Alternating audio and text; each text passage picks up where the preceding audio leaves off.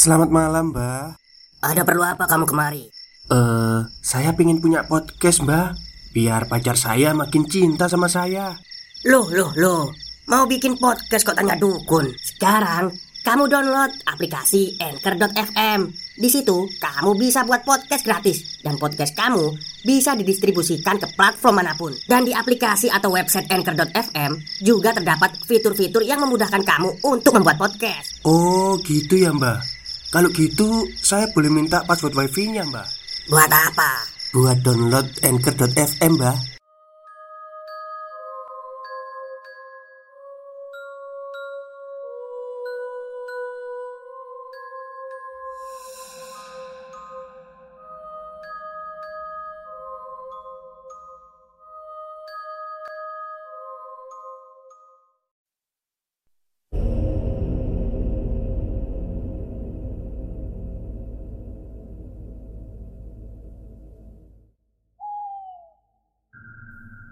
Assalamualaikum warahmatullahi wabarakatuh. Halo semuanya, jumpa lagi dengan saya Chow Sing Sing Kurator dari podcast Horror Night Story. Halo apa kabar semuanya? Semoga kalian semua sehat-sehat ya.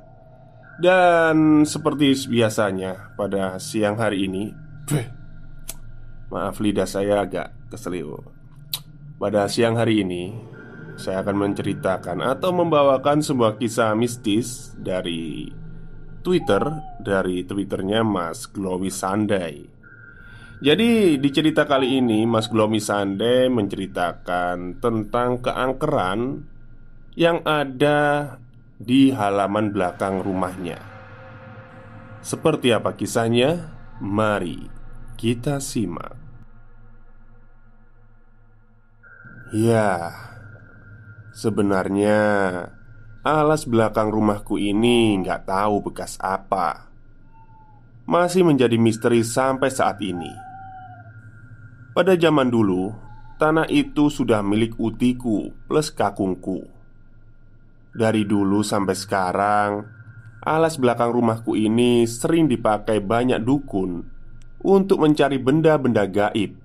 Entah apa itu namanya Toh ya padahal Hanya sekedar alas yang tak pernah dirawat.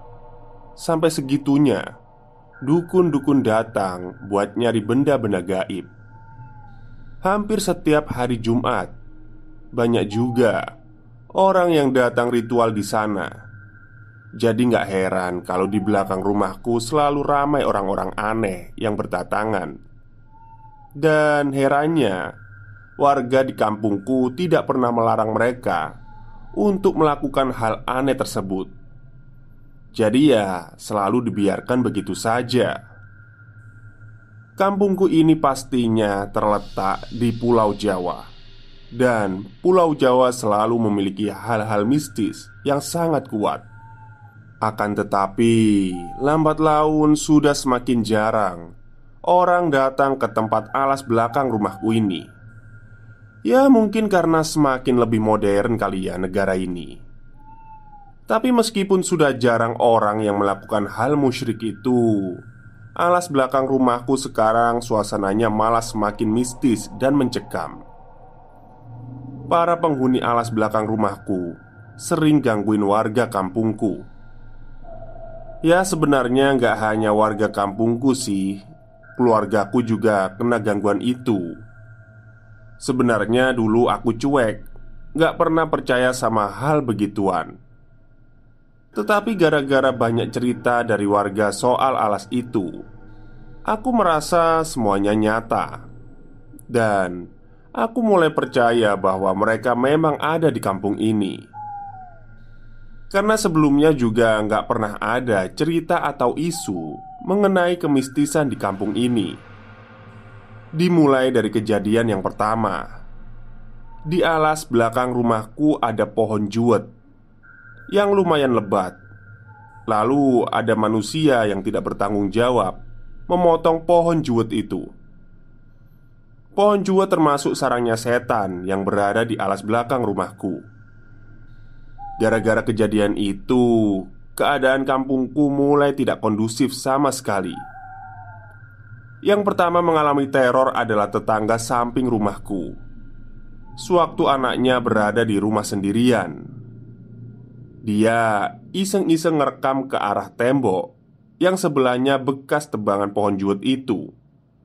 Lalu, waktu dia ngerekam, dia menangkap sesuatu, tapi langsung hilang. Kemudian dia ngecek hasil videonya, dan ternyata ada sosok genderuwo yang sangat besar muncul dari arah tebangan pohon juwet itu. Gara-gara video itu, semua warga kampungku gempar. Kemudian kejadian kedua, tetangga beda gang kampungku. Dia nggak percaya kalau alas itu angker, karena semenjak adanya gosip atau cerita-cerita horor dari tetangga kampungku itu, sekarang alas di belakang rumahku ini semakin terkenal. Bahkan menjadi trending topik tersendiri di kampung saat itu. Ada unggah-ungguh yang harus ditaati apabila berada di alas itu. Jadi, semisal ada orang yang pergi ke alas itu harus menjaga sopan santun, dilarang keras berbicara sara, kotor, ataupun dengan nada keras. Kebetulan, tetangga beda gang itu sebut saja Pak Udin namanya. Ini nggak percaya kalau alas itu angker. Dia kemudian menuju ke depan alas itu dengan sangat tidak sopan. Dia berteriak dengan bahasa yang tidak sopan dan berani menentang setan yang ada di dalam alas itu. Sesudah merasa puas, Pak Udin kemudian pergi ke acara kondangan tetangganya. Nah, di saat sampai ke acara kondangan, Pak Udin tiba-tiba kerasukan. Dia bertingkah sangat aneh di acara kondangan itu. Dia minta makan dengan porsi yang sangat tidak wajar. Tidak mau pakai sandal dan berteriak-teriak. Akhirnya datanglah Pak Ustadz yang langsung memegang tubuhnya Pak Udin. Saat dipegang, Pak Ustadz merasakan hawa panas di tubuh Pak Udin. Gak karuan. Dan itu tiba-tiba membuat Pak Udin berteriak dan marah-marah gak jelas.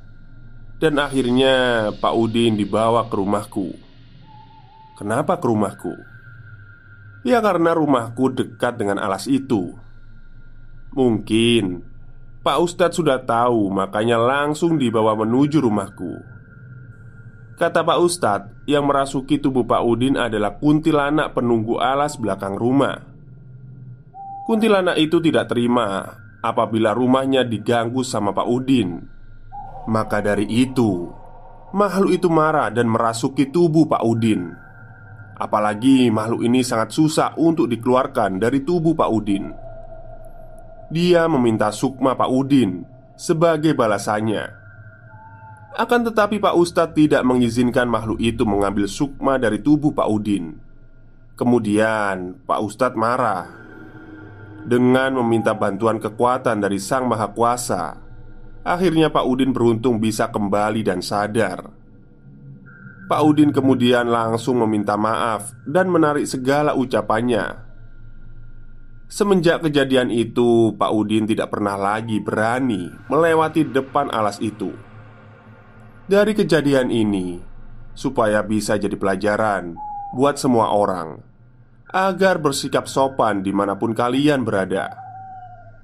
Bukan hanya sampai di situ, ada salah satu warga beda gang lagi. Kali ini bukan gak percaya soal keberadaan makhluk halus yang ada di alas itu. Akan tetapi, beliau ingin membuktikan keberadaan makhluk halus itu Sebut saja namanya Pak Anwar. Ah, mana sih setannya? Orang gak ada apa-apa kok di alas itu Kata Pak Anwar. Sewaktu berjalan pulang Dari pengajian Menuju depan alas belakang rumahku. Kemudian Saat beliau berdiri di depan alas belakang rumahku Tiba-tiba tubuh Pak Anwar seperti ada yang menyeruduk dari belakang Saking kerasnya, Pak Anwar langsung jatuh ambruk di atas geragal depan alas itu. Beliau pikir ada hewan kambing yang menyeruduknya. Ternyata waktu beliau berdiri, tidak ada siapa-siapa. Hanya Pak Anwar sendirian yang berada di situ. Pak Anwar tiba-tiba nggak bisa bangun dari jatuhnya dan berada di posisi tengkurap. Karena Pak Anwar diseruduk dari arah belakang. Kemudian ada warga yang heran saat melihat Pak Anwar tengkurap di atas geragal. Kemudian langsung saja mereka mencari pertolongan dan membantu Pak Anwar mengantar pulang ke rumahnya. Stop, stop. Kita break sebentar. Jadi gimana? Kalian pengen punya podcast seperti saya? Jangan pakai dukun, pakai anchor. Download sekarang juga. Gratis.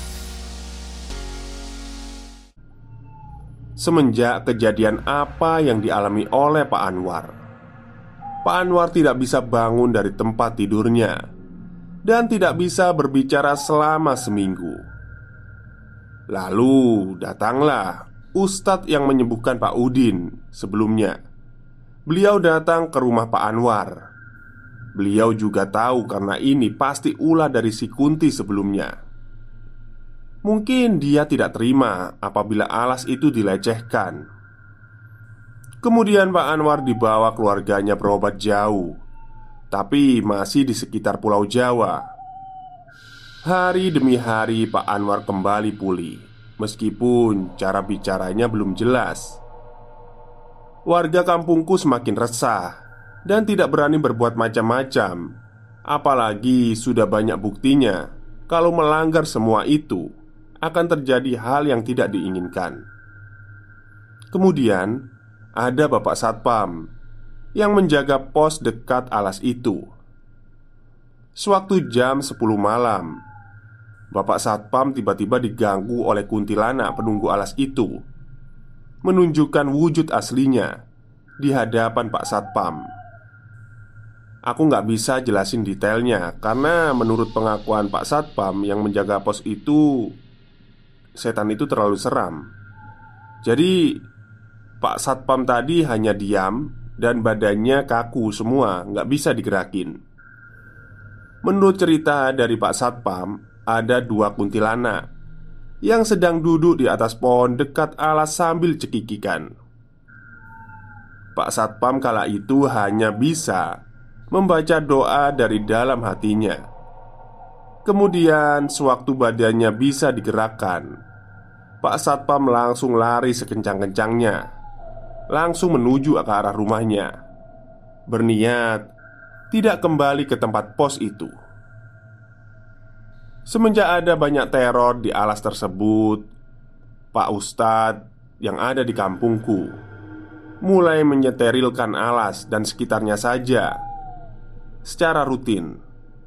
Kupikir semuanya sudah aman lah Tapi kok ternyata Para penghuni alas malah pindah ke dalam rumahku. Bahkan ibuku Yang setiap harinya mengaji Makhluk itu berani mengikuti ibuku Yang sedang mengaji. Ibuku bisa melihat mereka Karena ibuku ini termasuk orang yang indihome. Di setiap kali ibu mau sholat Beliau sering diganggu oleh mereka Untunglah ibu selalu beristighfar terus dan menguatkan imannya. Gak hanya sampai di situ saja. Di setiap jam 12 malam, 3 dini hari. Gimana ya? Jam 12 malam sampai 3 dini hari mungkin ya. Keadaan rumahku benar-benar sangat mistis. Jendela kamarku selalu ada yang ingin membuka secara paksa Aku pikir maling. Ternyata waktu aku intip di luar tidak ada siapa-siapa. Hanya keheningan dari luar. Kemudian aku mencoba untuk tidur kembali dan ternyata jendela kembali dicungkit-cungkit lagi dari luar. Aku takut dan bersembunyi di balik selimut. Lama-kelamaan akhirnya bunyi itu hilang dan aku bisa terlelap kembali. Penghuni alas tadi sangatlah kepo Bahkan mereka ngikutin bapakku Saat mau ke kamar mandi Mau ngapain coba? Mau nyebokin? Aku sih sebenarnya bisa ngelihat hal begituan Cuman secara tiba-tiba saja Nggak bisa kayak Mas Roy Kiyoshi atau anak Indihome lainnya Hal yang paling unik itu ketika salah satu penghuni alas berubah wujud menyerupai seperti adik perempuanku. Adik perempuanku berusia 16 tahun. Jadi kadang dia parno sendiri Kalau ketemu sama perwujudan yang sama dengannya. Padahal sih hanya makhluk yang iseng Yang mirip-miripin dia. Kadang adikku sampai capek nangis sendiri ya. Kasihan nih ngelihatnya Tapi gimana lagi diusir pun tetap aja bandel ngikutin terus Waktu jam 12 malam mereka selalu bikin berisik di atas plafon rumahku. Kadang aku merasa terganggu, tapi aku menganggapnya itu adalah tikus. Padahal aku tahu itu bukan tikus, melainkan mereka yang suka ngisengin aku. Dan ada lagi yang bikin aku dongkol. Bau mereka itu pas muncul, itu baunya mirip parfum yang aku pakai sehari-hari buat ngampus. Waduh, kok bisa ya? Terus Aku cobalah ganti parfum lagi Eh ternyata marah mereka mengikuti bau parfumku yang baru ini Ya Allah Apa mereka ini fans aku? Ya udahlah Ya mulai dari situ aku pasrah aja lah sama mereka Tapi lambat laun mereka udah gak pernah ngikutin Ya Alhamdulillah makin lama para penghuni alas itu mulai pergi dengan sendirinya ada suatu keheranan yang menjadi misteri saat ini. Setiap kendaraan yang lewat depan gang rumahku selalu mengalami kecelakaan apa pun itu. Bahkan ada yang sampai meninggal loh. Percaya nggak percaya, tapi memang ini adalah real. Meskipun pengendara motor jatuhnya biasa aja, nggak separah seperti terlindas truk, tapi bisa langsung meninggal di tempat itu. Gimana sadisnya coba? Konon sih katanya para penghuni alas berkeliaran mencari tumbal Terakhir kasus tetanggaku yang berkendara di area kampung itu Menabrak sebuah tembok dan akhirnya langsung meninggal di tempat Tapi bagiku sih itu semua sudah takdir yang maha kuasa. Di sini juga kebiasaan warga. Memakai pesugihan. Juga jadi nggak heran kalau kampung ini kemistisannya selalu bertambah. Karena memang akibat dari ulah warga yang banyak memakai pesugihan. Jadi serasa perbuatan mereka mengundang makhluk halus lainnya Padahal banyak anggota keluarga mereka yang musnah secara tidak wajar Gara-gara pesugihan itu Di sini juga warganya banyak yang memelihara tuyul Tapi semenjak banyaknya anggota keluarga yang meninggal gara-gara pesugihan Ya, jadinya mereka sekarang sudah mulai perlahan melepas pesugihan itu, meskipun kadang masih ada yang pakai. Lambat laun, kampung ini kemudian menjadi tempat bandar narkoba, dan di tahun 2013 sampai 2019 mulai banyak pembunuhan sadis di area kampungku yang aku tinggali selama ini, bahkan sampai diliputi koran warga sini menjadi sangat keras wataknya dan perilakunya. Entah karena pengaruh gaib atau apa, aku juga nggak tahu. Untungnya keluargaku masih normal seutuhnya, seperti manusia biasa. Pernah ada nih anak tetanggaku, ya usianya sekitar sama sepertiku. Dia sakit hati gara-gara ditolak pacarnya, dan tahu apa yang dia perbuat? Dia langsung manggil dukun Buat melet si ceweknya tadi Gila Usia segitu sudah main dukun Kalau aku jadi dia mungkin hanya bisa pasrah Dan puas-puasin sakit hati karena ditolak. Dukun coy. Dukunnya hebat memang.